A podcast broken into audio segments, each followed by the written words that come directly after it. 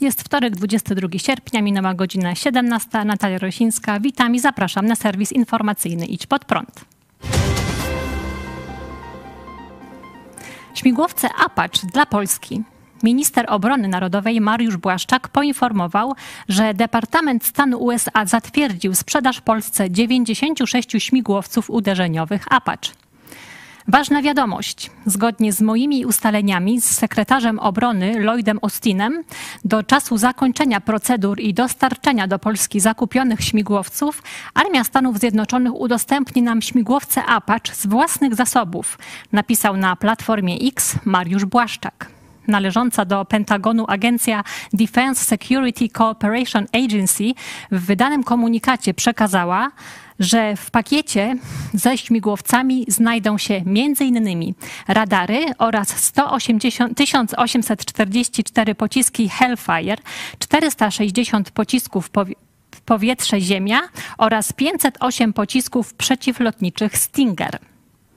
Ta proponowana sprzedaż wesprze cele polityki zagranicznej i bezpieczeństwa narodowego Stanów Zjednoczonych poprzez zwiększenie bezpieczeństwa sojusznika NATO, który działa na rzecz politycznej stabilności i gospodarczego postępu w Europie. Napisano w komunikacie agencji. O złożeniu Amerykanom oferty kupna 96 śmigłowców Apache informował już w ubiegłym roku Mariusz Błaszczak. Dlaczego Apache są ważne?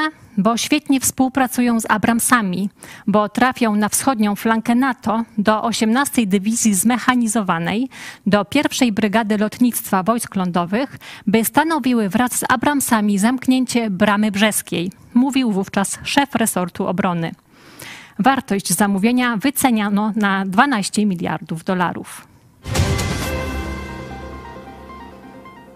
Japonia wypuści radioaktywną wodę do oceanu.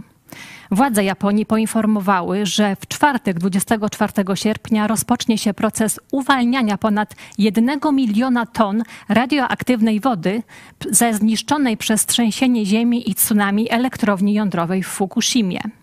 Plan przeprowadzenia tej operacji został zatwierdzony przez japoński rząd już dwa lata temu. Japonia zapewnia, że zrzut wody jest bezpieczny.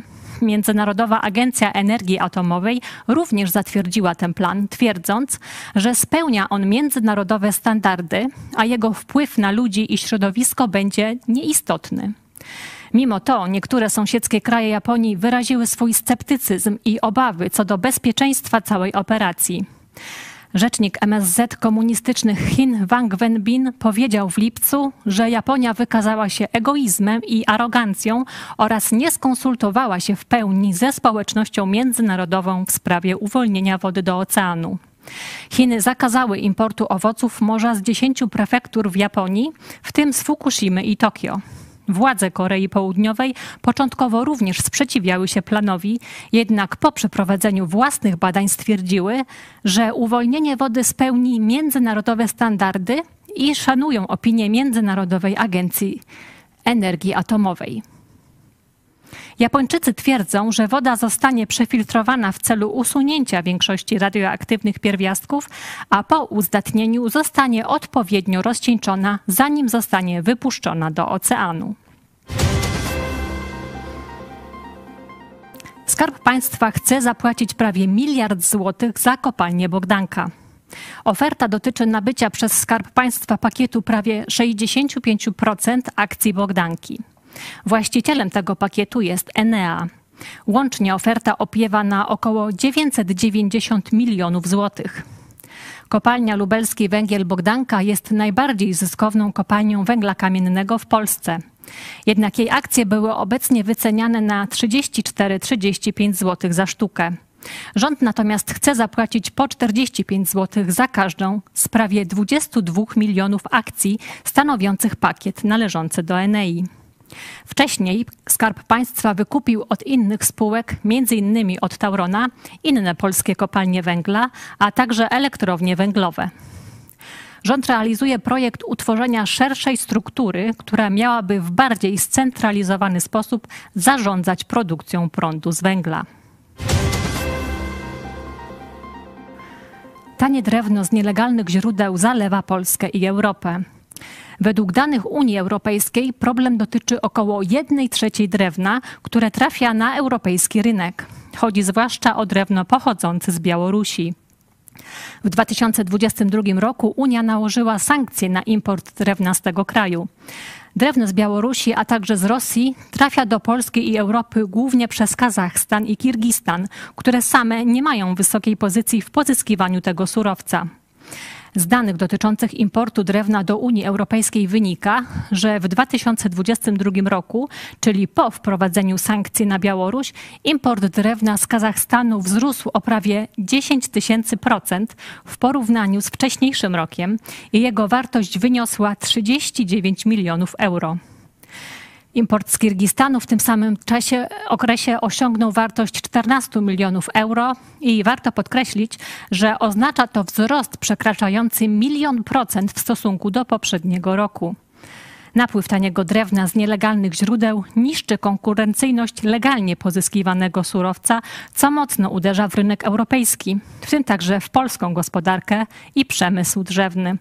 Fundacja Client Earth wydała raport, w którym ocenia, że kontrola handlu drewnem w Polsce jest w praktyce pozorna. Organizacja złożyła do Komisji Europejskiej skargę w tej sprawie. Projekt budowy pierwszej elektrowni atomowej w Polsce czeka na decyzję w sprawie lokalizacji. Spółka Polskie Elektrownie Jądrowe złożyła u wojewody pomorskiego wniosek o urzędowe ustalenie w gminie Choczewo lokalizacji pierwszej elektrowni atomowej w Polsce. Już wcześniej informowano, że preferowaną lokalizacją dla inwestycji jest Lubiatowo-Kopalino, położone w tym regionie.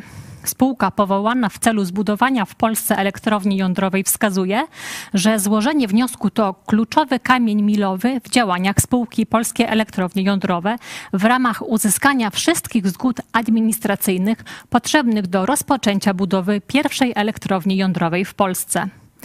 Według planu budowa tej elektrowni ma ruszyć w 2026 roku, a uruchomienie pierwszego bloku planowane jest na rok 2033. To wszystko w dzisiejszym wydaniu serwisu informacyjnego, a jeszcze dziś w telewizji Idź Pod Prąd o godzinie 18 dogrywka. Zobacz, jak wygląda dzień z życia protestantów.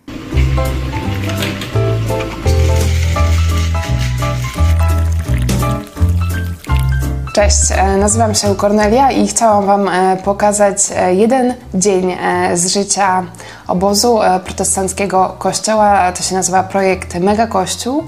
Czeka nas dużo rozmów, dużo wrażeń, już się nie mogę doczekać. Mam nadzieję, że będzie się Wam podobało. Zapraszam na 18. Do zobaczenia.